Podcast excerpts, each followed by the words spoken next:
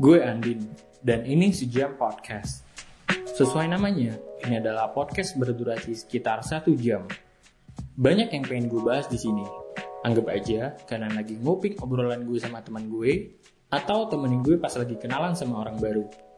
Karena dari setiap cerita yang dibagi, pasti ada hal yang harus didengarkan. Let's roll! Ya, balik lagi sama gue Andin di Sejam Podcast episode Ganjil. Kali ini gue udah kedatangan bintang tamu yang gue susah sih ngejelasinnya deskripsi dia ini sebagai apa. Cuman untuk lebih jelas ntar kita kenalan sama dia lebih lanjut lagi deh. Halo Bang, halo Bang Yesa. Halo, Din. Halo, halo. Gimana, gimana? How you doing? Was good. Hari ini gue Gimana? habis hari ini gue habis meeting ini sih, meeting panjang. Wah. Kebetulan. Jadi makanya kita baru free-nya jam segini. It's okay lah ya. Mhm.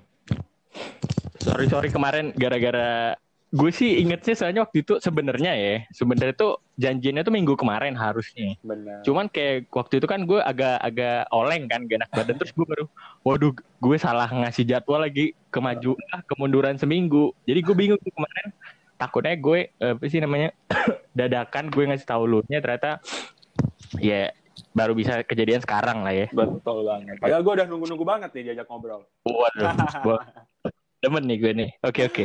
Sikat. Jadi gini bang, kan seperti yang lu tahu gue kemarin sempat ngechat lu eh, apa sih namanya bisa nggak bang lu eh, ngisi podcast gue dan ngobrolin bareng tentang Indonesian tourism lah istilahnya kan Mm, Betul. sama hospitality. Sebenarnya gue itu kepikiran awal mula nih gue gue ceritain agak bacotan dikit di awal nih. Jadi kan gue suka ini browsing browsing YouTube tentang eh, ini apa namanya konten-konten budaya Indonesia lah gitu kan. Mm-mm, mm-mm. Terus gue sempat nonton di satu, kalau belum mungkin tahu channel Suara Gembira tahu nggak lu bang? Suara gembira. Gue belum tahu tuh. Oke, jadi di situ tuh dia ngobrol sama Kinan Pierce. Kalau lu tahu Kinan Pierce tuh dia seorang eh, visual atau brand designer lah istilahnya kayak gitu kan. Mm-mm. Kalau Suara Gembira itu dia tuh adalah channel atau istilahnya apa ya? Kayak sejenis ruang yang membahas tentang budaya-budaya Indonesia lah, kayak make kain, terus kayak Ah, budaya iya, iya, iya, iya. kayak gitu. Yang Indonesia banget gitu ya. Tapi dia Ya. millennials ya. Betul sekali. Ah, iya, itu iya. tuh yang buat gue tertarik itu adalah kata-kata dia yang ini. Eh, we have what it takes to have a big influence. Bukan melalui teknologi, Mm-mm, sistem edukasi, apa eksploitasi sumber daya, mm-mm. tapi melalui seni budaya yang ditransformasi. Eh, yang bikin uniknya lagi bang, kenapa? Intinya yang mau gue coba sambungkan ke lu adalah Mm-mm. Orang Indonesia itu kan dikenal di mata dunia kan sebagai orang-orang yang ramah, Sopan gitu ya. sopan itu kayak udah branding lengkap lah kayak kayak kalau kita nonton semua video-video bule datang ke Indonesia itu pasti gitu nggak sih Mm-mm, Kata-kata yang- Benar, benar, benar. oh orang Indonesia ini ramah segala macem terus kayak eh, baik lah terus gua ya kayak semboyannya lah kayak gotong royong sopan santun ramah tamah Iya. bla bla bla segala macamnya nah sebenarnya kalau dikonklusiin lagi tiga hal itu adalah dasar-dasar dasar-dasar dari eh, sebuah hospitality atau eh, seni melayani lah istilahnya bisa dibilang Manner gitu ya. Ha-ha. Iya, kayak itu tuh ada di darah kita istilah istilahnya emang kita tuh eh, Udah terbentuk dari lahir ya. Iya, karena karena kita tuh kan di di dari kecil suka diajarin namanya tata krama segala Mm-mm. macam Mm-mm. yang nggak semua apa sih apa, etnis di dunia tuh mempelajari hal kayak gitu kan. Mm-mm. Nah, itu yang yang pada akhirnya gue mikir, iya ya. Sedangkan di sisi lain orang-orang berlomba tentang emang emang nggak salah sih dan bukan bidang gue juga ngomong kayak gini. Cuman dan banyak orang kan masih mikirnya kayak ah gue ini gimana ya eh, biar jadi seorang eh, yang mahir di bidang teknologi atau gue mau menciptakan segala macam segala macamnya dan masih mengenyampingkan tentang potensi-potensi di bidang hospitality dan budaya Indonesia. Ngerti nggak sih maksud gue, Bang?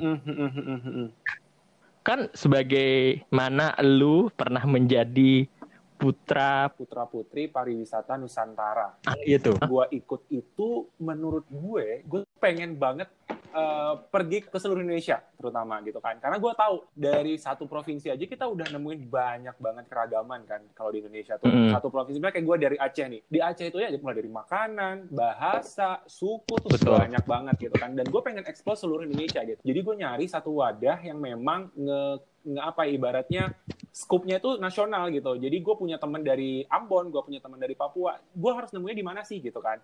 Akhirnya gue ikutlah ini. Kenapa akhirnya gue ikut ini? Karena kegiatan ini tuh uh, bekerja sama dengan Kementerian Pariwisata. Artinya, gue tuh udah punya hmm. punya satu lembaga yang memang menaungi secara nasional gitu kan. Nah, uh, akhirnya gue ikut itu. Pada saat itu gue mewakili Jawa Barat kebetulan karena memang gue kuliahnya di Jawa Barat waktu itu.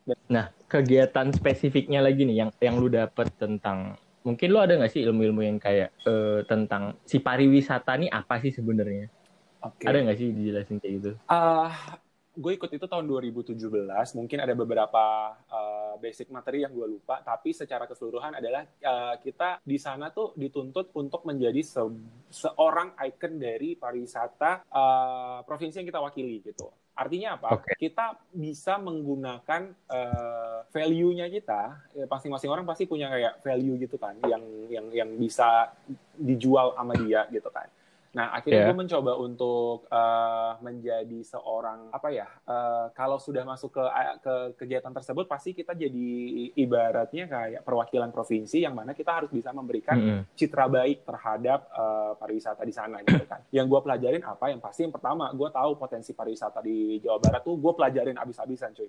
Gue pelajarin. Sorry, sorry, hmm? sorry gue cut.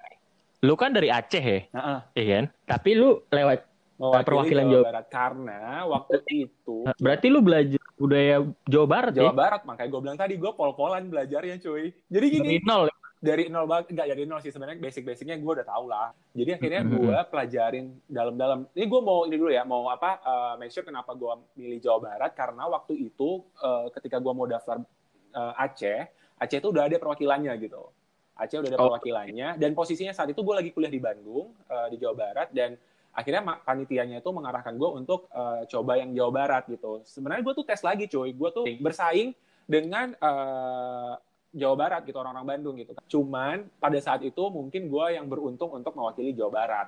Oke oke oke. Hmm.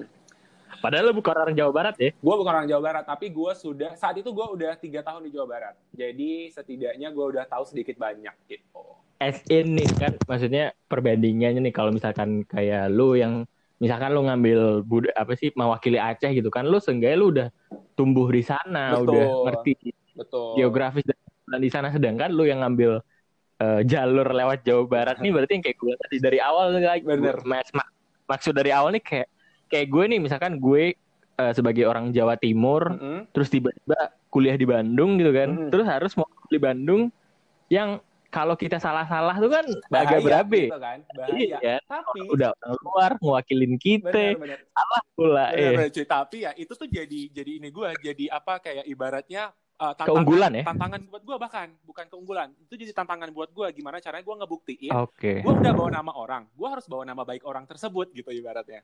Jadi waktu itu gue benar-benar belajar ya gue harus unggul ibaratnya gue harus unggul nih ya, dari seluruh Nusantara atau ya Jawa apa seluruh Indonesia terus unggul gimana caranya. Gue belajar benar-benar presentasi gue presentasi benar-benar gue tampilin apa yang ada di Jawa Barat sampai akhirnya di final kita kan ada finalnya tuh di Kementerian Pariwisata yeah, yeah. Uh, ada finalnya dan gue masuk delapan besar senasional akhirnya bawa nama Jawa Barat gitu apa itu kalau boleh tahu dikit dong hmm. yang tentang mumpung nih kan hmm. mantan ada sebutan mantan.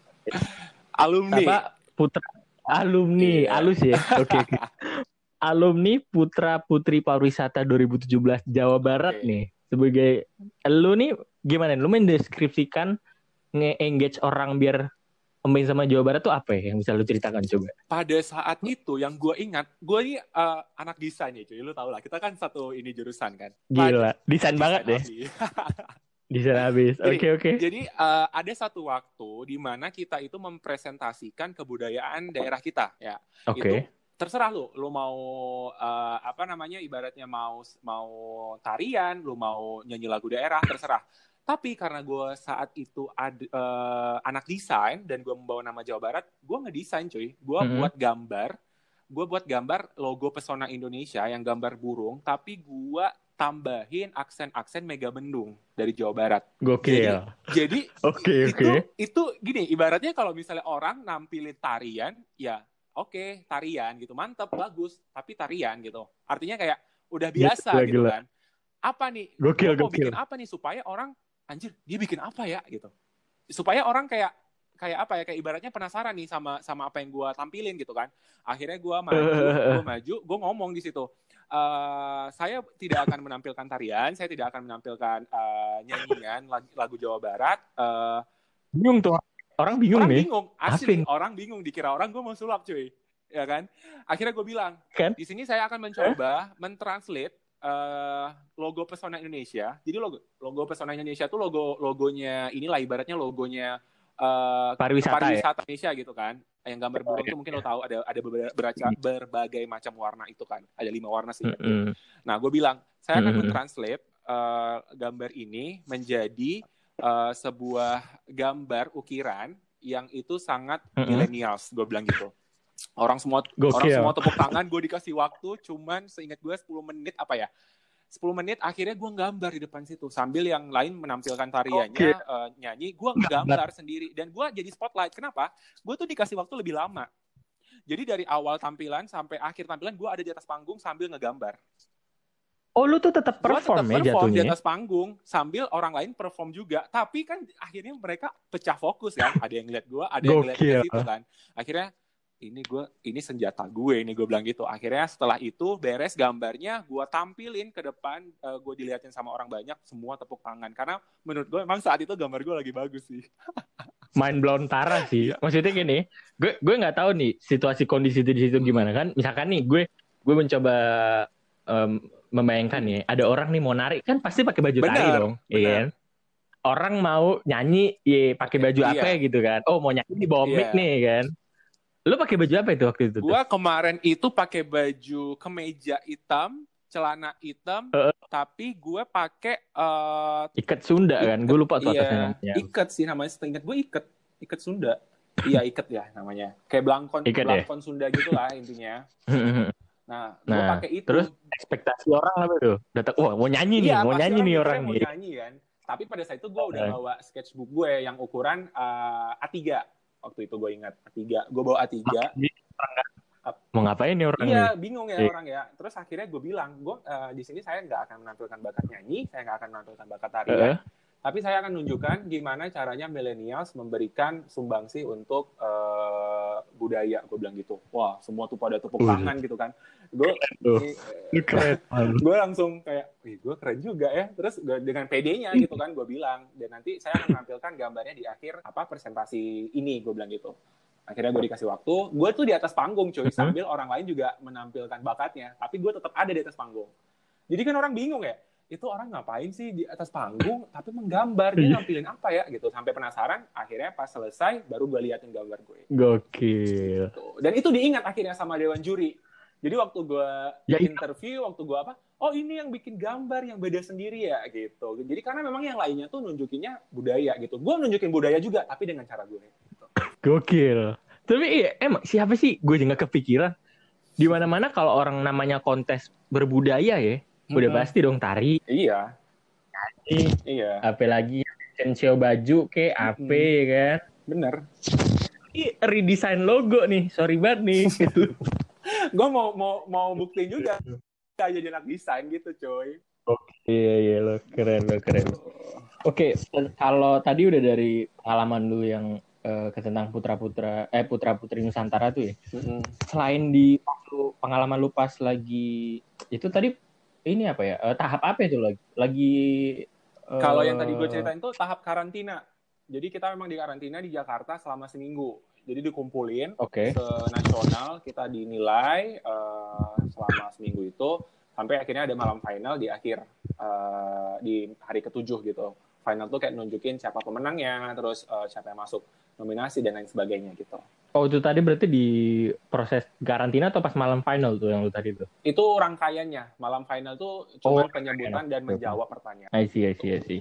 Tapi di pas proses itu tuh berbicara tentang kata-kata pariwisata nih, ya, Mhm. itu berarti lu mendalami tentang pariwisata Indonesia dong? Iya? Jelas, karena memang materinya juga diisinya kan dari kementerian. Pasti kita disuguhkan dengan eh, materi-materi tentang eh, pariwisata gitu kan. Dan kemarin tuh gue tuh difokusin dengan uh, ini cuy, 10 Bali, Bali baru. Oh, nah, oke. Okay.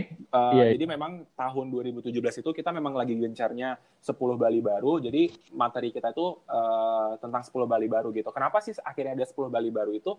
Supaya uh, Kementerian Pariwisata ini bisa fokus gitu dengan uh, si 10 destinasi ini dulu gitu. Karena sebenarnya kita cuma punya tangan dua gitu kan. Kita nggak mungkin harus ngasih uh, ibaratnya ngebenerin seluruh pariwisata di Indonesia itu nggak mungkin gitu. Jadi dicicil, Betul. makanya dibikin 10 Bali baru dulu. Prioritas pariwisata itu ada di 10 Bali baru itu. Itu banyak jelasinnya tentang itu bikin, kemarin. Ya, bikin pionir-pionirnya dulu betul, kali. Betul, betul, gitu. Dan juga banyak tentang uh, apa untuk meningkatkan pariwisata uh, gimana gitu. Dan juga banyaklah uh, sabta pesona yang dijelasin sama Kementerian Pariwisata tuh banyak banget ilmu tentang pariwisata banyak banget gue akui. Nah, itu yang sebenarnya apa ya pengen gue apa namanya gue lagi tertarik banget nih sama yang namanya hospitality mm -hmm. ini kan terus gue ser sempat searching searching juga kalau uh, gue kan dulu sempat teman di kampus kita kebetulan kebetulan ada jurusan perhotelan Betul. Kan, ya kan dan uh, gue sempat satu asrama di asrama tuh gue sempat sekamar sama anak perhotelan oh, yang kerjanya tuh uh, orang mah kuliah kan. Ini kayak balik lagi skeptis skeptis apa orang orang orang kita gitu kan. Melihat orang mah kuliahnya misalkan kayak kayak kita ini ngegambar gitu kan. Terus ada yang belajar coding. Ini orang kuliahnya masak gitu kan. Sampai bersihin apa front jaga front desk oh. terus cara bersihin kamar segala macem. Sebenarnya pada saat itu mungkin pemikiran gue belum sejauh kayak ngapain dah kayak gituan doang sekolah gitu kan.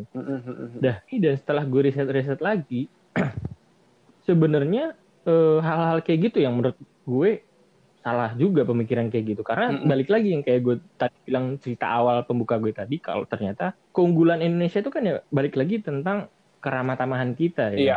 Sedangkan orang-orang masih nganggap remeh kayak buat apa sih kayak kayak, kayak gitu-gituan tuh apakah apakah bahkan uh, sebuah uh, apa namanya bakat di bidang hospitality itu like disebut bakat ngerti nggak sih maksud gue? Iya iya iya. iya.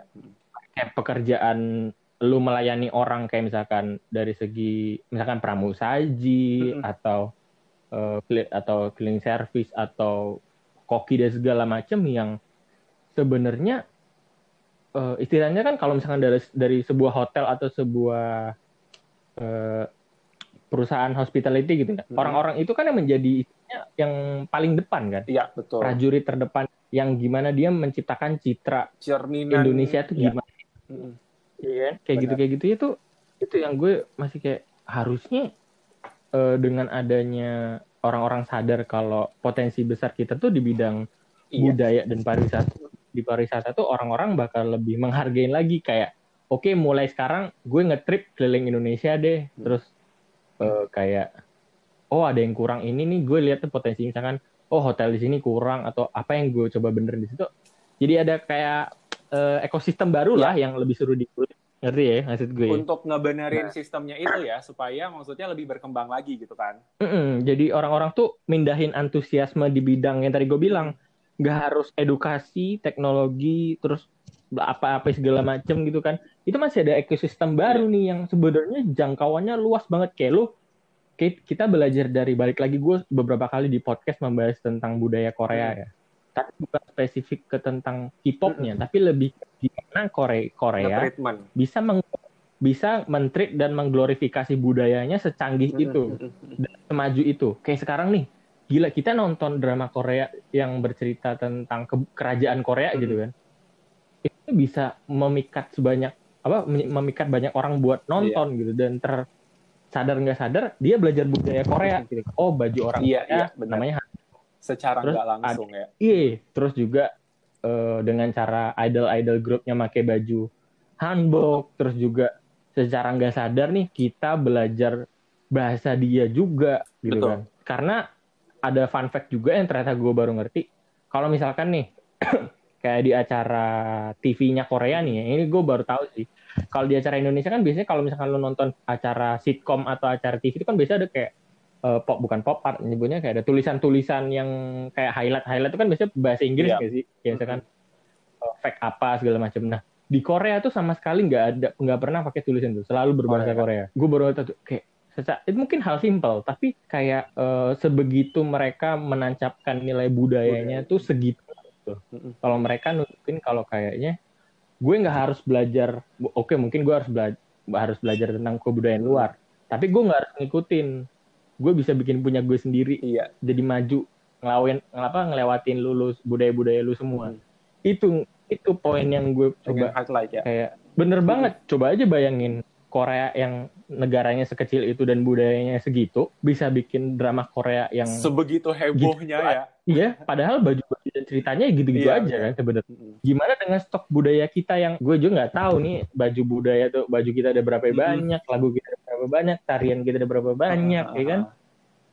Di bahasanya udah nggak ngerti lagi deh kalau dikulik dan dan apa sih istilahnya mencoba membangun ekosistem kreatif di bidang ah. itu uh. itu bakal pecah sih itu benar, itu benar. yang ngebuat api-api banget sih tentang kebudayaan Indonesia dan hospitality uh, sebenarnya cuy hospitality dengan culture itu memang berhubungan erat gitu. Kenapa gue bisa bilang kayak gitu? Karena sebenarnya secara sederhananya hospitality itu mencakup tiga hal yang deket banget kaitannya dengan uh, mendatangkan turis.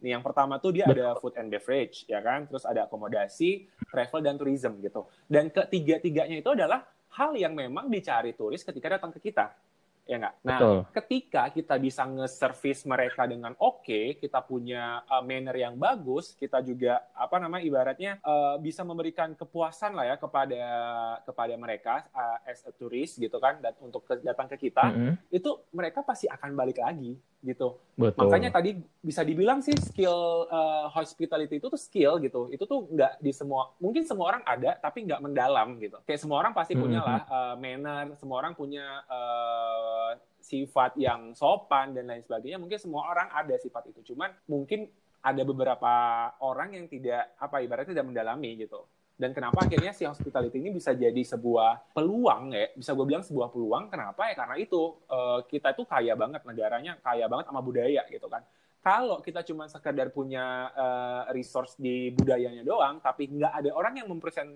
mempresent dengan baik ya sama aja nol gitu. Orang akan datang, oke okay, datang, tapi nggak akan balik gitu. Mm -hmm. Balik Jadi, lagi istilahnya packagingnya itu sebenarnya. Packagingnya harus oke okay, gitu. Mm -hmm. Di mana kita ngedeliver harus... ke mereka juga harus oke okay, supaya mereka bisa balik. Betul betul betul. Iya, yeah, apa sih istilah Indonesia Paradise on Earth itu kagak omong kosong sih. Mm -hmm. Emang bener sih. Emang ada itu. Emang ada. Indonesia tuh pusat pariwisata dunia. Bayangin tiap provinsi bener-bener ngejadiin identitas budaya mereka sebagai kekuatan gitu kayak misalkan mm hotel di ini secara omdo doang ya gue ngomongnya kayak mm -hmm. hotel di Jogja bentuknya berdasarkan uh, kebudayaan Jogja hotel ini berdasarkan mm-hmm. bentuk ini. Ya pasti udah beda tuh semua se beda provinsi nggak usah beda provinsi beda kota aja udah beda beda beda semua gitu kan. Udah punya nilai jual yang tinggi masing-masing gitu. Udah nih tentang hospitality tadi dan budaya Indonesia nih. Hmm. nyangkut lagi masalah gue serang banget nih ngelihat story lu sebagai anak backpacker banget nih kayak ya kan bang ya kayak ini menurut gue ya gue lihat lu tuh kayak traveling terus kayak suka nge-snapgram spot-spot bagus di mana. Hmm, hmm, hmm. kayak kayak tips-tips penginapan bagus di mana ada cafe ini. Juga gue sempat lihat juga yang lu uh, pas lu mag magang di ini. Cirebon? Magang di Cirebon. Uh, yang lu ada itu di highlight lu yang lu pas ke pasar malam. Cerita-cerita yang kayak gitu ya?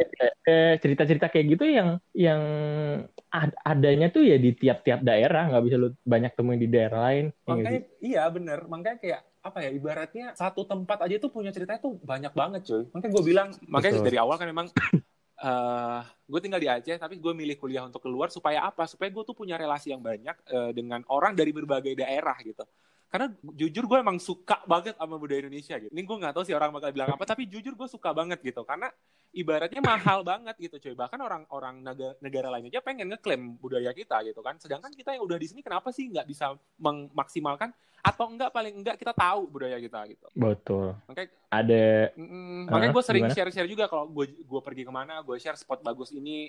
Maksudnya ibaratnya supaya jadi gambaran oh ternyata daerah misal kayak gue pergi Sukabumi gue gua share di Sukabumi oh ternyata Sukabumi itu bagus juga ya kita nggak pernah tahu kalau kita nggak ke sana gitu jadi gue pengen kasih tahu ke orang bahwa Sukabumi itu oke okay juga atau uh, misalnya apa Tasik itu oke okay juga gitu dan gue ditunjang dengan pekerjaan gue saat ini yang mem yang memudahkan gue untuk bisa move dari satu tempat ke tempat lain gitu sih. Gue memanfaatkan opportunity itu juga sebenarnya. Oke gitu. oke oke. Itu emang kalau ya, barangkali nih Mm-mm. ada yang belum belum tahu. Maksudnya apa sih itu bang yang ada anak kecil persewaan tablet tuh gimana sih? Apa sih yang lu lihat di itu situ? gue ini sih salut banget sama gue nggak tahu ya mungkin kemajuan teknologi itu memang punya dampak yang cukup bagus gitu kan tapi nggak semuanya Hah? ya kayak mata uang lah ada yang baik ada yang buruk gitu kan gue tuh ngelihat diferen, di- diferensiasi antara uh, orang kota sama orang di daerah gitu pada saat itu tuh gue di gue magang di Cirebon yang bukan di kotanya. Mhm. jadi uh, gue ngekosnya juga di desa gitu. Dan di desa itu setiap gue lupa hari apa ya. Kalau nggak salah sih hari Rabu atau hari Selasa gitu. Jadi setiap hari Selasa itu ada pasar malam. Nah di pasar malam itu tuh banyak lah ya permainan ini segala macam dan yang gue kaget bikin gue kaget tuh ada penyewaan tablet cuy. Ada penyewaan tablet sekali sewa itu 15 menit bayarnya 2000 apa 1000 gitu. Gue lupa. Pokoknya di bawah 2000 gue ingat Gokil. Nah, penyewaan tablet kan. Itu anak-anak tuh ngantri cukup panjang untuk cuman main tablet 15 menit. Dan ketika mereka udah main, itu mereka ceritain sepanjang jalan sampai mereka balik. Tadi aku main ini seru banget ini ini, ini gitu. Ibaratnya kayak eh, mereka emang mungkin ketinggalan di bagian eh, apa ya, Teknologi. teknologi gitu ya. Tapi mereka jadi menghargai banget teknologi itu. Jadi mereka menghargai banget waktu gitu. Jadi mereka nggak dan dan dan yang senangnya adalah sosial mereka tuh tetap bagus gitu. Jadi mereka tetap punya lingkungan sosial yang cukup oke. Kalau mungkin mungkin anak sekarang di kota misalnya, kita tanya tetangganya namanya siapa aja mungkin nggak tahu karena dia udah keasikan sama eh, tabletnya mungkin gitu kan. Kalau sekarang Anti sosial club ya. Anti sosial. anti sosial sosial club. Tapi gue ngeliat gitu kebahagiaan dari anak-anak itu gitu. Jadi itu kayak sebuah apresiasi buat mereka gitu. Mungkin eh, sebelumnya ibunya bilang belajar yang rajin nanti boleh tuh main tablet 15 menit eh, bayar 1000 atau 2000. Jadi kayak itu sebuah hal yang unik dan nggak semua daerah ada kayak gitu. Jadi gue pengen share biar orang tahu gitu. Di daerah ini ternyata masih begini loh gitu. Itu sih yang pengen gue coba angkat dari setiap apa yang gue bagiin di sosial media gue gitu. Dan untungnya kita punya Oke. platform yang cukup luas kan jangkau eh, jangkauannya gitu kayak Instagram Mhm. eh, atau eh, Twitter, Facebook apa pun itu kan punya basis masa yang banyak gitu. Jadi harapan gue dengan gue share itu akan ada orang yang oh ternyata daerah itu begini ya, daerah ini begini ya gitu. Nggak usah banyak, yang penting ada nyangkut satu atau dua orang gitu sih. Ada lagi nih bang yang lebih pecah tuh? lagi. Gue nggak tahu nih lu dapat di daerah mana karena gue belum baca juga sih beritanya. Yang itu, yang kotak amal Kotak keranda. amal. Gimana, ntar, gimana rasanya dapat notifikasi ribuan bang? gue shock anjir. HP gue tuh HP panas. Oh gitu ya rasa jadi selebgram ya? Lu gitu kali?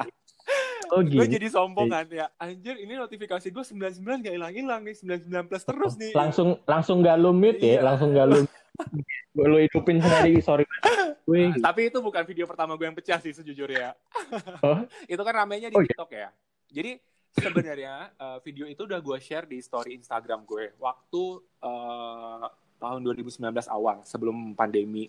Jadi dan itu daerahnya juga daerah terpencil cuy cuy itu gue tagnya itu di Subang Jawa Barat.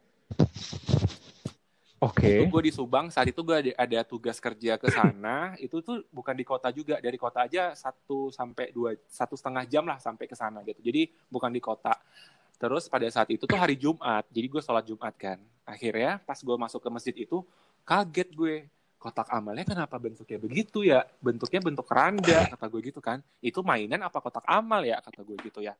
Terus akhirnya pas udah uh, duduk karena gue waktu itu kan gue lagi ada kegiatan uh, jadi belum azan gue udah langsung ke sana gitu supaya nggak telat gitu kan. Pas gue duduk akhirnya gue storyin lah kayaknya lucu deh ini gitu kan. Akhirnya gue story storyin ke Instagram gue waktu itu di Instagram gue dulu gitu kan karena gue nggak kebayang karena belum ada TikTok juga gue waktu itu Terus uh, pas gue udah masukin ke Instagram itu yang respon banyak, maksudnya nggak yang tapi nggak sampai yang sebanyak TikTok ya. Uh, mungkin di bawah Iya, 20-an adalah yang nge-replay story itu gitu. Itu di mana gitu. Jadi akhirnya orang tahu, oh ternyata di Subang tuh kotak amalnya rata-rata begini ya. Tapi gue nggak tahu sih rata-rata atau enggak. Cuman orang jadi tahu, oh di di Subang itu kotak amalnya gini ya bentuknya gitu. Itu kan kayak kayak ciri khas juga iya gitu kan. Terus Iya, iya, kemarin gue coba share di TikTok ya kan? Gue share di Pecah. TikTok pecah gila cuy. Sekarang Berarti viewers satu koma tujuh sih kalau nggak salah. Itu sekarang viewersnya udah 3,3 Gokil. 3 juta anjir dan itu udah masuk ke berbagai macam platform kumparan terus Sorry banget nih. Ih. Lu gimana rasanya di lu diwawancara apa sih, Bang? gue kemarin sempat diwawancara sama Tribun Tribun Gokil. Indonesia kan mereka nge DM gue eh, nanyain eh, ya inilah apa kayak confirm lah eh, tentang si kotak amal itu gitu oh gini jadi ceritanya bisa ini ya kata gue ya bisa diwawancara itu ternyata gini ya rasanya gitu kan Oh, dan di gila, situ gila, gue gila. juga mention kalau itu uh, di Subang dan lain sebagainya gitu. Arti- artinya apa? Kayak gue pengen juga mengangkat daerah itu gitu kan. Jangan guanya doang. Secara tidak iya langsung, secara kan? langsung. Sebenarnya kayak orang juga nggak akan nggak akan notice gitu kan. Tapi gue pengen setiap apa yang gue lihat di daerah tuh pengen gue munculin gitu. Akhirnya ya gitu. Sekarang udah dilihat 3,3 udah di like 200 juta 200 ribu lebih komennya juga udah gue lupa deh berapa dan itu udah disebar di mana-mana platformnya gitu. Dan akhirnya itu keangkat juga Subangnya gitu. Jadi orang tahu oh Subang tuh di Jawa Barat. Minimal orang tahu itu dulu gitu. Minimal orang tahu itu dulu. Kotak amal jenazah? Emang. Emang eh Emang unik-unik aja daerah-daerah itu emang unik-unik banget. Gue kaget aja lu. Iya ampun, gila ya. Itu the viral moment ya. Tapi nggak star syndrome kan ya abis itu ya? enggak gue Enggak ya? tetap balesin kok Oh gila gila gila. Nah, gila. star syndrome itu bagian dari manner juga loh, cuy. Jangan salah. Waduh. Maksudnya kita Bener. harus kayak ini, ibaratnya gue kan udah di training lah ya di tahun 2017 gue udah udah ikut eh, karantina dan lain sebagainya. Gue di training juga kan, gimana caranya kita menyikapi orang, gimana cara kita ngebales komen orang, terus gimana kita bersikap untuk ketemu sama orang ini, orang A, orang B, orang C gitu. Itu di, di, di, di belajarin juga di sana gitu. Kayak itu basic-basic manner yang memang sebenarnya harus dimiliki sama semua orang. Gitu. Setuju, setuju banget, setuju banget, setuju banget. Setuju banget. Nah, berhubung lu tadi udah cerita, ceri- apa sih menceritain pengalaman-pengalaman unik yang gue sebutin sendiri ya, dan lu dan lu konfirmasi, Mhm. kan gue pengen minta nih rekomendasi destina, destinasi wisata dong dari lu dan ceritain kenapa terus tempat apa yang kayaknya orang-orang perlu datang deh. Oke. eh satu, mau satu mau banyak nih? Dua aja deh, Tiga deh ya. tiga deh boleh. Oke, tiga. Satu, yang pertama, gue tuh baru balik banget kemarin ke Aceh dan gue pergi ke Sabang. Kalau lo tahu Sabang itu kilometer nol Indonesia, jadi ujung paling barat Indonesia. Oke. Jadi itu Sabang itu sebuah pulau yang lu harus nyebrang dulu dari Banda Aceh ke Sabangnya. Itu, ih, gue amazed banget. Gue tuh kedua kalinya sih sebenarnya ke sana. Cuman gue setiap kali ke sana tuh pasti gue tap takjub setakjub takjubnya. Itu tuh kayak ibaratnya Bali Bali versi Sumatera. Lu harus ke sana sih cuy. Itu bagus banget. Airnya biru, pantainya bersih, orang sepi. Kayak gue liat di TikTok lu Iya, Ada TikTok gue lo, kan? share juga. Jadi gue setiap ke mana-mana pasti gue share. Makanya TikTok gue namanya lagi di jalan. Apa aja yang gue dapet di Oh, jalan iya, itu pasti iya, gue share. Itu, Oke, itu oke. satu. Terus yang kedua, em, Telaga Biru di Majalengka juga oke banget. Lo mungkin tahu, tahu nggak sih Telaga Biru di tahu tahu gue itu gue juga udah ke sana kemarin. Dan itu memang bener-bener bagus gue sampai ke sana. Cuman mungkin saat itu gue lagi rame aja jadi kayak fotonya nggak terlalu oke. Tapi itu jujur kalau lo pergi pagi atau lo pergi sore yang udah sepi itu bagus banget. Sama yang terakhir hmm, ini Ciletuh Geopark di Sukabumi. Itu juga Oke. banget, gue ada share juga di TikTok gue dan itu ibaratnya kayak apa ya? Gue nggak bisa bilang itu kayak apa, tapi itu bagus banget. Jadi dari jalan aja kita udah bisa ngeliat keramba-keramba apung gitu dan itu momennya enak gitu. Gimana ya bilangnya? Lu nggak, gue nggak bisa deskripsiin, tapi itu worth it untuk lu datangin karena di sana itu ada curug, ada laut, ada gunung, lengkap Oke, semua oke, gitu, alam semua. Itu salah satu yang cukup oke juga. Itu tempat Iya. wisata yang gue eh, des apa gue rekomendasiin. Dan itu baru secuil ya. Secuil Dari- banget cuy. Banyak banget. Danau Toba oke. 10 Bali baru juga Danau Toba, Sikat. Apalagi Jogja juga banyak tempat-tempat oke. Emang kalau misalkan kita ngebahas apa namanya kalau destinasi wisata tuh emang Gak kagak ada habisnya, habisnya. gak ada habisnya cuy. Satu kota. Kayak lu kayaknya kalau kita dari lahir sampai mati ngelilingin Indonesia juga nggak Nggak nggak cukup. kelar sih. Bener. Gak akan cukup. Makanya gue tuh Karena gini, Hmm, Heeh, gimana? gimana gimana? Oh enggak, kalau gue tuh makanya banyak ngefollow ini kayak travel influencer gitu. Dan kayak mereka ngebagiin story-story itu menurut gue itu harus banyak orang yang kayak gitu gitu. Mereka ngebagiin story ketika ke Lombok, ketika ke Papua misalnya atau ke Kalimantan, ke Lampung gitu-gitu. Itu menurut gue harus banyak orang-orang kayak gitu gitu supaya kita kebuka pikirannya kayak oh iya ya Indonesia tuh kaya banget. Kita nggak usah keluar dulu deh, habisin di Indonesia dulu gitu. Betul betul betul. Dan ada lagi nih uh, fun fact lagi. Kemarin kan gue sempat ngobrol sama kalau lu tahu teater keliling Indonesia, teater gue sempat hmm. ngobrol ngobrol langsung sama produser dan wow. istilahnya ketuanya lah di situ kan di podcast gue. Hmm, hmm, Keren. Ada tuh dia tuh kan ngobrol dia cerita nih.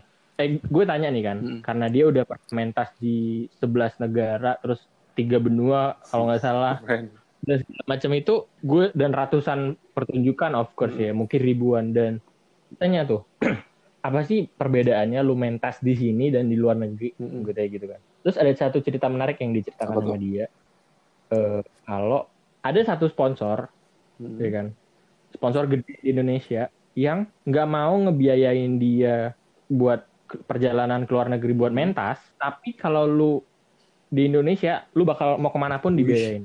Aneh ya. Secara secara logika aneh dong. Kok ke luar negeri yang harusnya mengenalkan budaya Indonesia kok hmm. dia nggak mau? Tapi kok ke Indonesia malah dibayarin? Logikanya sederhana.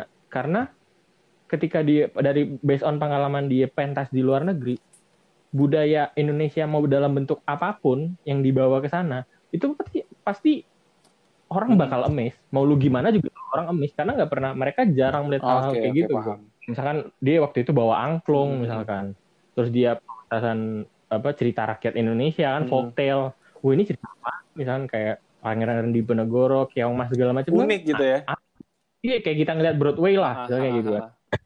nah sedangkan orang Indonesia seberapa tinggi sih minat buat ke teater misalnya ya, kayak ya, gitu iya iya benar benar benar benar itu yang yang diceritakan sama, di, sama dia sisi kita sebenarnya itu baik lagi ya kalau kita sempat dulu belajar sejarah kata-kata Soekarno hmm. perjuangan gua perjuangan lu bakal lebih berat karena lu ngelawan gue dulu orang asing sedangkan lu lawan bangsa, bangsa sendiri. sendiri benar. Iya, iya. Iya, gitu. Itu sih yang gue kayak iya juga ya gue nggak tahu nih tapi gue rasa kalau misalkan sampai hal itu bisa terpecahkan nih masalah kecintaan dan nasionalisme hmm. gitu kita udah kayak siapa sih lagi lawannya bos? Iya gitu iya kan. benar-benar. Ya, lagi sih bisa ngejatuhin kita ya gitu Benar ya susah kan. Bener sebenarnya gini uh, untuk ngerubah satu negara tuh susah memang. Tapi setidaknya lu bisa Betul. ngerubah diri lu sendiri dulu. Oke okay. nice. Nice one nice one. Iya. Dan dan lu punya ibaratnya gini lu punya platform yang di mana lu mm -hmm. punya followers pasti di platform itu ibaratnya Instagram mau cuman dua atau tiga orang itu tapi itu followers lu dan lu berhak punya hak punya kewajiban untuk nge-influence yang baik-baik terhadap mereka. Sadar nggak sadar ya sadar nggak sadar. Jadi apa pun yang lu share itu pasti akan berdampak sama followers lu. Entah itu followers lu cuma tiga orang tapi lu punya kewajiban untuk nge-influence yang baik-baik. Nah selagi lu punya platform itu pakailah share tuh tentang kebudayaan kebudayaan tentang budaya tentang pariwisata yang ada di daerah lu mungkin gitu kan. Karena kita tuh butuh orang-orang yang kayak gini yang banyak gitu untuk supaya bikin negara kita maju nggak bisa ngerubah satu okay. negara susah cuy gede banget true true true Oke, coba kita ngebahas budaya Indonesia ini nggak bakal ada habisnya lah ya. Istilahnya kalau lu, istilahnya kalau kita ini mau bikin post, podcast berseason season juga nggak bakal kelar gitu, gitu. Coba kita wrap aja, mungkin nanti ada gue ada kesempatan ngobrol sama lu lagi hmm, di mana boleh, kita boleh. bahas lagi. Sekarang gue mau masuk ke ke yang lainnya nih. Hmm. Berbicara tentang kan tadi di awal gue sempet sebutin gue bingung nih ngejelasin lu ini sebagai apa gitu kan. Mm. Karena jujur gue kenal gue kenal lu pertama kali kan dari si Ijal kan. Mm -mm. Dari Ijal kayak uh, oh ini ada teman gue nih kal uh, Bang Yosa terus juga lu sempat aktif se, se, se, apa sih kan kita se, sejurusan ya kan mm -hmm. kayak ini orang um, pertama rambutnya bagus banget ya kan. kayak, lu waktu kita jadi panitia suatu acara lu kadonya banyak banget ya kan. gue inget banget kayak kayak istilahnya uh, bahkan lu nyebutin kalau di gue lupa tuh di kalau lu tuh uh, passionate di bidang uh, master ceremony kayak MC, moderator, host dan talent gitu. Nah, gue tuh pengen belajar apa gue kan lagi dalam dalam proses proses gue berpodcast ini kan gue juga seenggaknya gue belajar tentang public speaking lah ya. Misalnya gue benar, susah benar. juga ya awalnya. Lu udah nyusun teks dan segala macem nih ya balik lagi bos eksekusi itu berbeda gitu ya beda banget beda itu tuh gue pengen gue pengen Iya. ini deh apa kulik-kulik dikit deh dari pertanyaan pertama deh Mm-mm. lu emang Mm-mm. dari awal udah sadar lu ini ya lu dari awal emang sudah sadar dan mau untuk mendalami bidang itu atau sebenarnya lu terceplung gimana tuh Menurut- Eh, ini tuh ada story yang lumayan panjang cuy. Mm-mm. Jadi gue dari Aceh, dari ibaratnya dari kampung. Gue tuh di Aceh tuh bukan di kotanya bahkan. Gue ke apa ibu kota provinsi aja tuh 12 jam. oke Lu bayangin. Dari rumah gue ke kota itu 12 jam. Jadi kayak gue sadar gue tuh bukan orang yang punya apa ya kemudahan lah ya. Ibaratnya bukan orang yang punya kemudahan gitu. Terus gue punya tekad untuk kuliah di Bandung supaya gue buka wawasan gue lebih luas.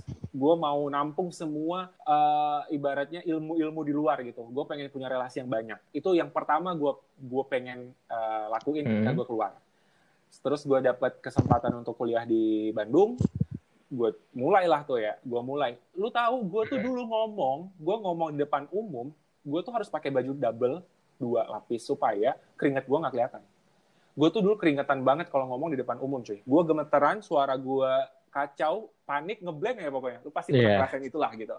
Pada saat itu. Dan mungkin lu kemarin ngeliat gue nge-MC gue se-enjoy itu. Kenapa? Karena Bet- prosesnya panjang gitu. Gue nggak yang langsung lahir langsung megang mic langsung Begitu bisa langsung ngomong. MC ya yang di- kayak gitu.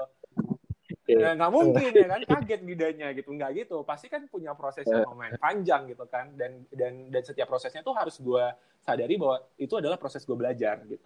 Nah satu tips lah ya yang gue bisa bilang eh nggak tadi pertanyaannya eh, nyemplung Hmm. atau memang udah tertarik gue tuh pengen buktiin ke orang-orang kalau gue mampu gue bisa gitu karena gue tuh eh, karena dari kampung terus juga dengan perawakan gue yang mungkin eh, ibaratnya kayak nggak nggak nggak nggak sesuai dengan standarnya kerennya orang-orang Mhm. gitu, gitu tuh kayak gue pengen buktiin dengan gue nggak standar aja gue mampu Gokil. gitu gue pengen bilang kayak gitu gitu dan apa yang gue bisa yang ya awalnya tuh gue mulai masuk terjun ke ibaratnya public speaking tuh ketika gue masuk ke duta tadi ke putra pariwisata itu. Kenapa? Karena begitu gue masuk gue diharuskan untuk keluar dari zona nyaman gue gue yang nggak suka ngomong tuh gue harus berani di sana. Gue yang nggak suka tampil gue harus berani di sana Iya. gitu. Jadi gue dibentuk di sana. Ketika gue balik anjir gue banyak banget dapat ilmu di sana gitu. Sayang banget kalau misalnya gue nggak pakai ilmu itu untuk keberlangsungan hidup gue Hmm. ibaratnya gitu jadi pas balik dari sana gue dapat ini gue dapat eh, invitation untuk gue ngisi materi tentang public speaking kalau nggak salah. Padahal saat itu gue cuman ikut lomba itu doang. Tapi karena gue udah ibaratnya mereka udah ngerasa gue tuh udah ikut lomba itu artinya gue udah punya kredibilitas Betul. untuk oke gitu kan. Betul. Waktu itu padahal anjir gue ngomong masih gagap. Gue ngomong di depan menteri masih Iya, kecok iya, gitu kan. Tapi gue ambil tapi gue ambil gini gue tahu gue gak akan bisa ngomong itu tapi gue ambil. Kenapa gue ambil? Dengan gue ngambil itu gue punya tanggung jawab untuk memberikan yang terbaik yang pertama. Artinya gue harus mempersiapkan itu. Gue nggak mau malu lah masa gue udah punya nama oh, putra pariwisata nusantara jawa barat tapi ngomongnya belakang Iya, iya. gitu kan. Gue ngambil supaya gue bisa keluar dari zona nyaman gue akhirnya gue ambil gue persiapin gue ngomong depan kaca. Kalau boleh lo tahu tanya sama Marsus gue sering banget ngomong depan kaca. Karena kita pernah Iya, sama iya, juga. iya. Itu kita ngomong eh, gue ngomong depan kaca dan akhirnya bisa sampai jadi gue yang sekarang gitu. Oke. saran gue tips gue cuma satu. Lu berani aja. Ibaratnya gini ketika ada orang nanya misalnya dalam satu forum eh, terus MC-nya atau eh, apa pengisi acaranya nanya siapa yang mau bertanya? Lu tuh udah punya pertanyaan yang lu udah lu catat lu udah inget tapi lu nggak berani angkat tangan. Pasti lu pernah ada di posisi itu kan. Dan gue pernah juga ada di posisi itu. Dan apa yang gue lakukan? Pusai. Otak gue otak gue bilang jangan ya kan? Tangan gue bilang jangan ini gue semua bilang jangan hati gue angkat tangan cuy. Gue angkat tangan. Padahal itu gue udah geter banget. Gue nggak berani. Gue angkat tangan. Nah dengan gue angkat tangan itu mau nggak mau MC-nya pasti ke gue dong ngasih mic ya kan? Dan nggak mau nggak mau gue harus ngomong kan?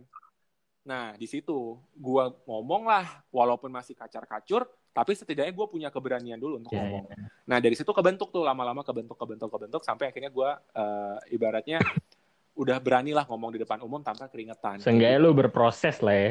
Iya kan? Panjang prosesnya panjang. Mhm. Tadi kalau lu udah ceritain tentang pengalaman lu eh, bisa sampai terjun dunia MC dan segala macam public public speaking lah lebih tepatnya. Mm-mm. Terus lu juga sempat mention nih masalah tentang lu yang katanya eh, tidak sesuai standar lah gitu ya.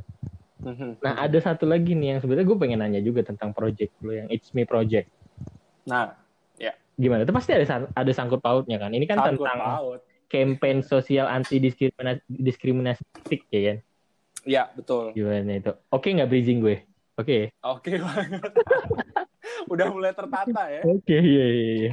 Mantap, mantap, mantap. Jadi itu gue kan sempat riset juga nih tentang campaign-campaign lo dan segala macamnya dan Mm-mm. masih jadi big issue lah di dunia ini tentang diskriminasi fisik. Nah, sebelum Hmm. tanya-tanya lebih lanjut tentang eh, project atau campaign lo ini, Mm-mm. eh, lu ada pengalaman pengalaman apa sih emang? Diceritain nggak? Oke. Hmm, pengalaman apa ya? Yang tadi gue bilang, gue tuh dari kecil, gue tuh orang paling tinggi di kelas, cuy.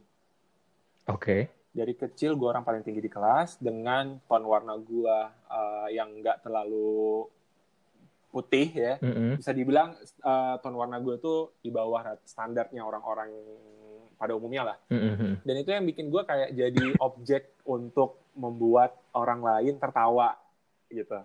Oke. dalam artian gue jadi objek eh, ejekan gitu supaya orang-orang ketawa awalnya kayak gue ngerisih ya maksudnya kayak apa sih kok gue dijadiin bahan candaan kayak gini gitu kan sampai akhirnya gue jadi terbiasa gitu dan proses itu tuh anjir dari proses gue sakit hati di, di, di, dijadiin bahan candaan sampai gue terbiasa di dalamnya tuh gue udah ngerasain semua rasa gitu ibaratnya kayak udah mau marah iya tapi gue nggak bisa atau gue mau maki balik iya gitu gitu. Gue udah ngelewatin itu semua sampai akhirnya gue udah oh ya udahlah gitu. Sampai akhirnya gue jadi oh, mungkin emang uh, gue diciptain itu untuk bikin orang lain ketawa gitu saking saking seringnya gitu loh. Saking seringnya. Jadi kayak lu oh ya udah udah jadi kayak pasrah gitulah ibaratnya gitu kan Hmm. dan itu tuh ngebuat gue jadi mental gue tuh jadi uh, ibaratnya jadi jadi penakut gitu loh. Jadi gue nggak berani ngomong depan umum, takut diketawain orang yang gitu-gitu.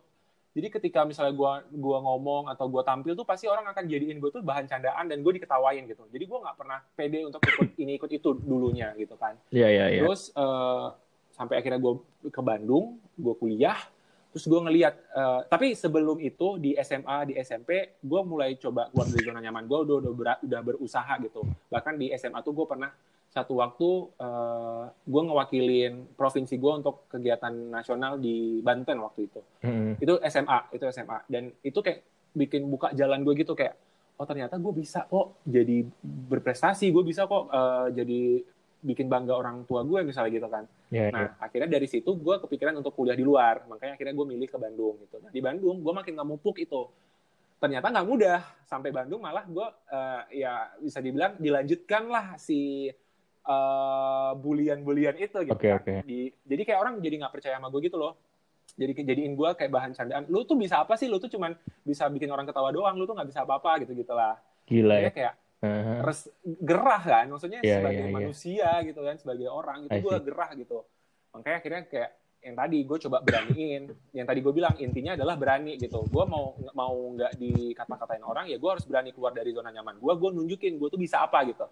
Nah ketika gue masuk ke eh, yang pariwisata tadi kan itu ibaratnya kayak berkelas lah menurut gue gitu. Pada saat itu tuh berkelas banget. Gue tuh bisa coaching sama kementerian langsung sama bapak menteri Arif Yahya waktu itu gitu gitu kan. Mm-mm. dan dari situ juga gue tuh ini gue cerita sedikit sih waktu apa apa yang gue dapetin sana. Salah satunya adalah gue pernah jadi eh, penyambut wakil presiden beserta dua menteri. Yes, Di tahun kementerian. 2017 kan. 2017 di kementerian eh, gue lupa kementerian Kese ke industri kalau nggak salah. Kesehatan kesehatan. Kan? Kemenkes. Ya gue di Kemenkes itu pernah jadi eh, penyambut wakil presiden Bapak Yusuf Kala waktu itu Yes. sama dua menteri dan itu gue jabatan tangan sama Bapak Yusuf Kala cuy lu bayangin Yes, orang biasa kayak gue dari pelosok Aceh tiba-tiba bisa ada di Jakarta bisa nyambut wakil presiden ya ampun itu pengalaman luar biasa menurut gue kan. Mhm. dan dari situ gue punya value gitu ibaratnya kayak gue punya kebanggaan gue punya pride gue udah ini kalian apa kayak gitu ibaratnya Iya. kasarnya ya nah gue pengen nunjukin itu dan ya udah akhirnya gue mulai eh, jadi public speaking terus gue mulai jadi gue tuh gue bingung ya padahal gue nggak tahu kenapa orang bisa sepercaya itu sama gue gue dijadiin eh, pemateri gue dijadiin ini jadiin itu gitu. Itu mungkin yang membuat gue akhirnya kayak ada orang yang mau menghargai gue tuh ada gitu. Orang-orang itu yang harus gue rangkul dan gue harus nunjukin ke orang-orang yang uh, tadinya ngebully gue gitu akhirnya ya udah uh, gue ikut satu kegiatan uh, gue lupa bentar uh, uh, influencer meeting academy kalau nggak salah. Itu dari oh, campaign iya, iya. ID gue tahu tuh itu, apa sih namanya? Yang influencer itu ya yang climate influencer. bukan yang climate climate beda lagi. Influencer meeting ini ini tuh dari campaign ID aja pokoknya. Jadi ada sebuah okay. NGO uh, dia tuh tentang campaign campaign-campaign sosial, campaign budaya, campaign pendidikan semua gitu dan dia ngumpulin uh, ibaratnya orang-orang yang suka ini ya apa namanya sosial media dan bisa berdampak untuk orang banyak ibaratnya gitu. Iya yeah, iya. Yeah. Nah, gue dikumpulin di sana, gue diajarin gimana cara bikin konten, gue diajarin gimana cara nge-influence orang yang baik, yang pokoknya gue diajarin banyak hal. Akhirnya kebentuklah ada beberapa orang yang memang punya keresahan yang sama sama gue. Kita korban bullying ibaratnya gitu. Tapi itu hmm. orang-orang hmm. itu tuh punya background yang keren-keren banget, cuy. Ada satu orang ya, gue cerita, ada satu orang namanya Kak Dina, dia itu uh, anchor, bukan anchor, um, announcer di Ire. Tapi dia tuh punya uh, tubuh yang plus size gitu loh, gemuk gitu. Anchor di mana tadi? Uh, e-radio. E-radio ya radio Jakarta ya menurut gue itu udah lumayan bagus radionya gitu udah terkenal gitu. Dan dia jadi anchor di sana. Eh sorry uh, apa announcer di sana. Dan dengan body dia yang nggak nggak nggak sesuai standarnya orang-orang gitu loh. Dan gue gue bisa jadi MC gue bisa jadi duta pariwisata ibaratnya seorang icon kenapa bisa kayak gue gitu kan? Karena apa? Kita tuh masing-masing punya kelebihan kekurangan gitu loh jadi ketika itu uh, di di di uh, di forum itu gue kumpulin orang-orangnya. Jadi gue dapat lima orang uh, tim gue gitu ya. Ibaratnya kita nge-build nge-build ini bareng-bareng, tapi inisiasinya dari gue dan uh, Kak Dina itu. Akhirnya gini, oh. gue bikin sosial uh, project di campaign di Instagram. Uh, itu namanya It's Me Project. Itu di mana kayak gue pengen orang-orang tahu kalau dia tuh punya kelebihan gitu. Gak ada orang yang diciptain tuh useless tuh gak ada semua tuh pasti punya punya makna gitu. Dia tuh hadir di dunia tuh pasti punya tujuan tertentu gitu. Setuju. Uh, kayak apa ibaratnya lu dikasih kelebihan ya pasti lu dikasih kekurangan, lu dikasih kekurangan ya pasti dikasih kelebihan gitu. Mm-hmm. Kalau mungkin saat ini lu terpuruk, lu belum tahu kelebihan lu apa gitu. Lu belum tahu apa yang bisa lu banggain dari diri lu tuh belum tahu gitu. Nah, di di, di campaign itu gue pengen pengen ngeliatin ke orang-orang bahwa semua orang tuh bisa jadi sesuatu kalau dia uh, tahu gitu potensinya apa. Kayak ibaratnya gini, gue yang jadi korban bulian karena warna kulit gue yang gelap, tapi gue tuh bisa jadi orang yang dipercaya untuk ngajarin orang lagi public speaking misalnya gitu ya, karena yang tadi fisik itu bukan bukan ibaratnya bukan apa ya, bukan pertimbangan atau lo bisa sukses atau apa atau enggak gitu. Betul, setuju. Gue pengen liatin itu. Jadi uh, di campaign itu gue buka uh, sesi di mana orang-orang bisa cerita tentang keterpurukannya apa dan gimana cara dia bangkit gitu. Itu mm -hmm. kita kita kemas jadi ke beberapa tulisan-tulisan yang harapannya bisa nge-influence orang lain untuk pede sama dirinya gitu. It's okay to be you gitu kayak maksudnya nggak ada yang salah jadi diri lo gitu. Yang penting lo tahu potensi lo apa, lo kembangin gitu. Jangan malah terpuruk sama ke kekurangan lo gitu itu sih intinya. Okay, oh, panjang okay, sih. Okay. kalau ceritanya itu panjang tapi intinya kayak gitu gitu. Emang menarik banget sih kan istilahnya gue kan sempat baca-baca juga kalau kayak ngebuka pikiran orang loh kalau hal-hal kayak gitu tuh nggak remeh sebenarnya. Mm. maksudnya kayak uh, bercanda-bercandaan yang uh, mungkin tidak memaksud mungkin orang berbicara kayak ya udah uh, bahasa sehari-hari tapi itu sebenarnya bisa menyakiti banyak orang. Benar Contohnya itu bisa disebut kayak toxic positivity toxic, mungkin. Iya, benar benar benar. Toxic bisa. positivity kayak misalkan contohnya kayak dia bilang nih, "Ih, lu kok ini ya misalkan lu putihan ya sekarang gitu kan." Secara nggak langsung ketika dia bilang kayak gitu, oh berarti salah kalau gue hitam gitu kan. Atau mungkin ada temannya di sebelah yang kulitnya hitam misalkan.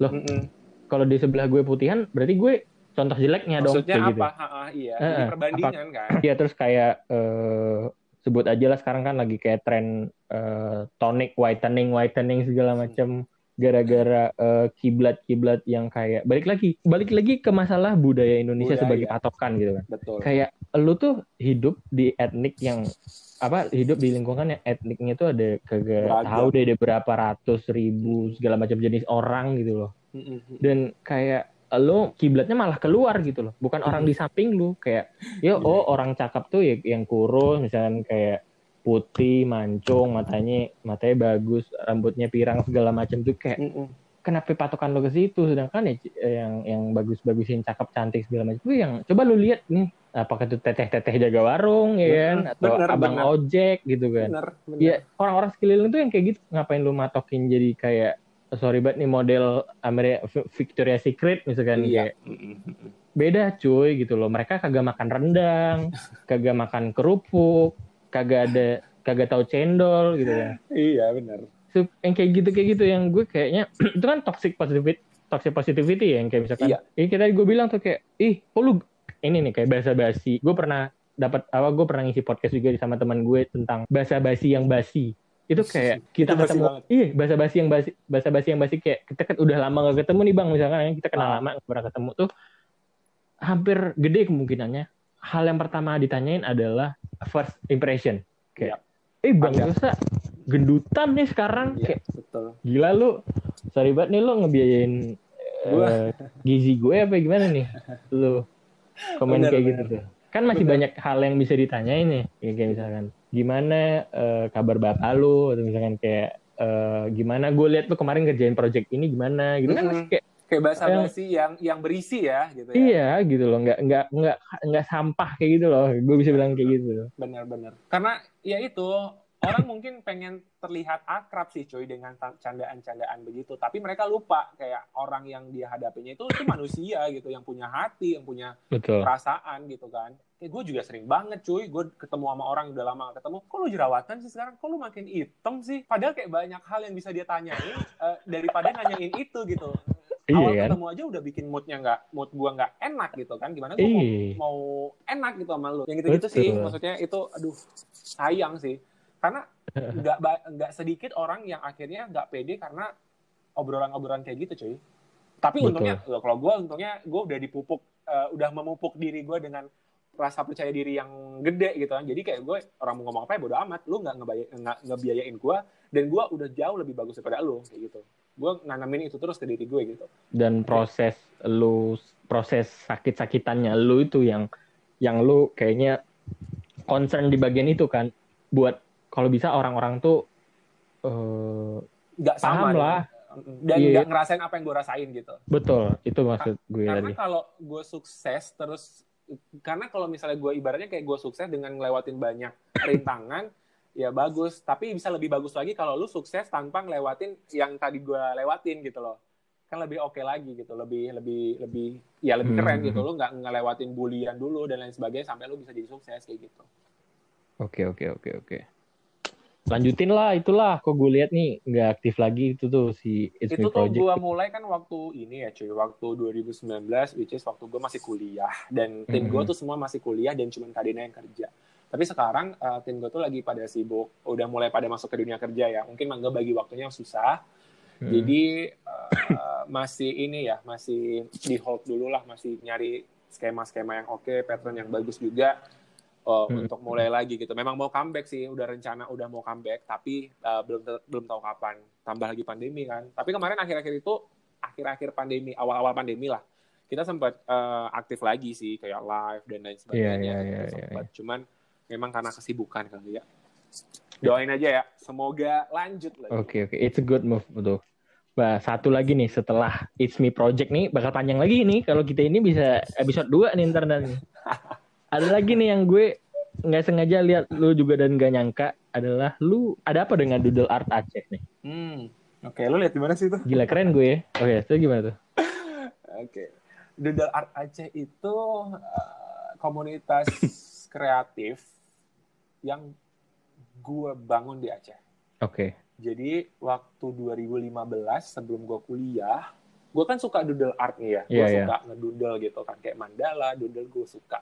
Tapi gue nggak punya temen untuk bareng-bareng bikin gitu loh, kayak komunitas perkumpulan gitu tuh gue nggak ada gitu.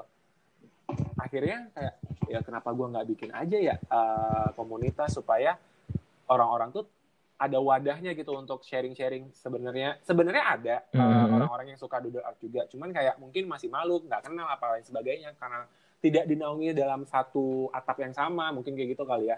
Jadi akhirnya gue mikir apa gue bikin aja ya tapi sebelumnya tuh sebenarnya udah ada doodle art Indonesia kan Yes, yang yes. menaungi secara nasionalnya gitu Hmm. Nah, eh, dia tuh pasti punya cabang di setiap provinsi. Dan waktu itu gue tanya, untuk Aceh tuh udah ada apa belum sih eh, si doodle art itu? Dan mereka bilangnya belum. Dan kayak dengan apa ya? Karena gue suka sih kayak organisasi, kegiatan-kegiatan gitu tuh gue suka. Akhirnya gue bilang, boleh nggak yang Aceh aku yang bangun? Gue bilang gitu kan. Gue yang aku yang handle gitu, boleh nggak? Boleh dengan senang hati gitu. Akhirnya gue bikin, gue cari eh, apa?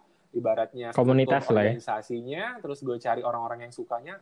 Sekarang udah udah rame gitu. Dan saat itu gue tinggal sih memang karena kan gue harus kuliah kan. Iya, gue iya, tinggal gue kayak re- remote gitulah dari Bandung untuk eh, nanyain. Dan mereka tuh sering meet up sebenarnya, tapi gue nggak ikut karena gue di Bandung gitu. Ya ya ya ya. Jadi ya. mereka sering kumpul. Jadi kayak ya gue merasa senang gue bisa ngewadahi itu gitu. Walaupun sebenarnya itu bukan 100% gue yang bikin gitu ya. Ya ya tapi ya. gue punya tim juga di sana gitu yang ngebantuin gue gitu. Hmm. Inisiasinya oke banget lah. Maksudnya kan lu ngelihat potensi lah di situ kan kayak hal-hal kayak gitu kan yang harus harusnya diperpa- diperbanyak ya kayaknya kan. Benar, benar. Hmm. Movement-movement kayak gitu yang dibutuhin sebenarnya untuk kita bisa berkembang terus berkembang sih. Iya, iya, iya. Oke deh, Eh, setelah itu ada lagi nih yang ber- masih berhubungan dengan lo yang kayaknya lebih lebih apa ya? Gue bilangnya apa ya? Lebih suka bukan berorganisasi ya ngomong gimana ya? Suka berbagi lah ya mungkin ya. Mhm. Itu pengalaman tentang Telkom mengajar tuh gimana tuh singkat aja. Oke, Telkom mengajar. Uh, dari kecil sih emang gue suka interaksi sih sebenarnya. Dari kecil gue emang suka banget kayak human interest gitu loh. Gue suka banget ngobrol sama orang gitu. Mhm. Karena gue extrovert juga, jadi gue bisa nge-charge energi gue tuh dari ngobrol sama orang sebenarnya. Gitu. Dan gue kemarin di Telkom gue nyari kegiatan sosial apa nih yang bisa gue ikutin, yang bisa gue apa ibaratnya kayak gue bisa bermakna di situ tuh apa sih gitu kan. Akhirnya ada uh, dibuka rekrutmen Telkom mengajar. Akhirnya gue ikut karena dulu tuh gue pengennya jadi guru IPS sebenarnya. Gokil. Iya serius lo. Gue pengen jadi guru guru IPS, terus sekarang ya gue kuliahnya ke Disa gitu dan nggak mungkin gue bisa jadi guru IPS ya kan. Akhirnya karena ada peluang itu, gue coba daftar dan akhirnya gue keterima sebagai guru IPS waktu itu. Jadi gue seneng banget. kan. Oh iya, cara nggak langsung lah ya. Secara nggak langsung gue bisa menyalurkan bakat gue yang Oh, iya, iya, iya, iya, gitu. Minat Akhirnya terpendam lo ya. minat iya disalurkan minat terpendamnya gitu. Akhirnya gue ikut itu. Eh, itu kegiatan sosial yang dibikin sama Telkom University mengajar untuk ngajar di sekolah-sekolah sekitar Telkom yang mungkin apa ya agak kekurangan eh, kekurangan lah ya dari segi sekolahnya atau dari eh, tenaga pengajarnya. Dan juga kemarin kita sempat ke daerah eh, Lembang kalau nggak salah untuk ngajar di sana gitu. Dan itu vibes-nya gue dapat banget sih. Mereka tuh sangat-sangat menghargai eh, kita sebagai guru dan kita sebagai orang baru di sana gitu. Oke oke oke. Sebenarnya ini banyak yang mau gue tanyain, tapi secara nggak langsung udah lu jawab lah cerita-cerita lu kayak tadi. Tips PD, tadi kan udah lu jawab tentang kayak Udah. gas Berani aja, berani. Terus Hmm. eh, tips traveling, ada kan lu jelas. Kalau tips traveling yang penting eh, kalau gue sih dari awal gue memang niatnya pengen bangun relasi di seluruh Indonesia, Mm-mm. tipsnya yang penting lu punya teman salah satu teman lu di daerah yang mau lu tuju. Itu udah sangat-sangat memberi lo banyak bantuan lah nantinya. Entah lu nanya tempat nginep di mana yang bagus, makanan enak di mana, wisata di mana tuh lu bisa dapet di sana gitu. Oke, terus ini kan yang terakhir adalah networking hacks. Hmm. Itu kan secara nggak langsung dengan lo ikut kegiatan segitu banyaknya kan networkingnya mantep abis ya, ya bilang kayak gitu Mm-mm. kan. Ya itu sih. Jadi istilahnya banyak-banyak kalau nggak bisa banyak-banyakin ilmu, banyak-banyakin temen lah ya. Itu yang gue pegang cuy. gue kan nggak pinter-pinter banget ya.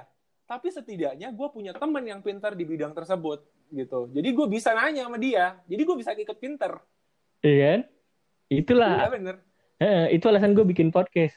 Kayak ya udah gue ngobrol sama lu nih kan se- secara wih, ada istilah-istilah atau apa pun yang kayak, wih, oh begini ya dunia ya sebenarnya. ya? Oh iya gitu lah sebenarnya kan. Kayak anjir orang tuh banyak banget dengan latar belakangnya yang berbeda-beda tuh kita bisa belajar cuy dari dia. Bahkan kita bisa belajar dari orang atau ibarat kasarnya tuh kayak orang yang kurang beruntung aja kita bisa belajar dari dia gitu apalagi true. orang yang udah keren gitu True, true, true. kayak semua orang tuh punya punya ilmu lah untuk kita serap Oke deh, segitu aja karena udah sangat banyak sekali ntar gue takutnya gue mengajukan pertanyaan yang membuat kita masuk ke episode 2 nih ntar lama-lama. Kayak, mungkin mungkin gue tertarik nih buat mungkin eh, nanti bisa ngobrol lagi. Kan gue jadi Boleh, di boleh. podcast gue ini kan punya dua sesi nih. Nah, yang sesi Mhm. pertama tuh episode episode ganjil yang kayak sekarang ini tentang gue ngobrol sama narasumber berfokus sama dianya. oke Nah, yang episode genap itu gue Hmm. punya topik dan gue nyari, orang buat ngebahas topik itu. Ah, oke oke Nah, kayak contohnya kayak gue sama lu sama sekarang nih gue ngebahas tentang diri lu dan background lu segala macam terus episode Hmm. eh, genap yang kemarin gue sempat ngobrol tentang trust issue terus gue sempat Hmm. ngobrol tentang culture shock dan segala macam nah Mm-mm. gue tertarik nih buat ngobrolin sama HB Project nanti mungkin bisa gue chat kali sama lu ya boleh tentang boleh campaign boleh. anti diskriminasi fisik ntar kita bisa ngobrol lagi boleh terus boleh juga eh, sekian aja mungkin kita wrap tentang Muhammad Yoza Rizal kita wrap dulu kita masuk ke penutup nih untuk closing ada sesi fun question nih dari gue. Oke. so so fun banget gue emang cuman kayak ya udahlah bang ya. Nggak masuk dalam briefing lo ini btw ya? Mm-mm. Nggak nih ini pertanyaannya simpel banget. Yang pertama Oh, ya. rekomendasiin lagu dong. Rekomendasi lagu. Gue Ya. tuh eh, kalau ya lu denger aja lagu Nadine Amizah apa pun itu pasti enak. Aduh. Gue ah gue suka itu sama lagu-lagunya dia ada fun fact lagi nih gue kebanyakan fun fact ya. Kayak lu dengerin podcast gue udah bang gila bagus banget bridging. asik. Bridging gue oke banget ya. Bridging oke oke oke oke. Jadi, gue sempat ngobrol lu tau Kevin kan? Kevin Xavier Kevin- Eh, ada ada angkatan gue namanya Kevin. Istilahnya kalau nggak mungkin lah denger Nadine Amizah gitu kan? Heeh. Udah tapi ternyata dia dengerin itu. Lu tahu kemarin dia cerita sama gue. Pasti pas gue tanya nih "Eh, rekomendasi lagu dong Vin gitu kan di podcast gue. Terus dia bilang gini sorry banget nih teman-teman gue anak metal anak hardcore segala macem rekomendasi lagu dari gue adalah bertaut gitu deh gitu kan. Anjir. Terus gue terus dia bilang nah nggak mungkin lu denger bertaut Vin nggak mungkin orang kayak lu denger bertaut. Gue bilang kan terus dia bilang enggak pak. Serius pak. Bertaut tuh menyelamatkan gue di 2020 dia bilang kayak gitu kan. Wow keren. Iya, kata dia fuck lah anak indie fuck lah anak hard rock. Gue anak di Amizah di hati gue gitu gitu. Tapi emang gue harus mengakui album selamat ulang tahun tuh best keren sih. parah sih? maknanya gila sih. Bukan Gila sih. ibaratnya kayak bukan lagunya tapi maknanya loh. Storytelling banget ya. cerita cerita dari lagu itu tuh dapat banget. Gila sih. Oke. Ya shout out Nadine. Lu nggak mungkin kecil kemungkinan lu denger ini tapi lu keren. Terus pertanyaan kedua adalah eh by the way lagunya apa nih? Lu Nadine doang tadi eh gue yang bertaut gue suka atau mendarah juga oke mendarah lu ya berarti ya? Oke oke. Kalau pertanyaan kedua adalah rekomendasi series atau film.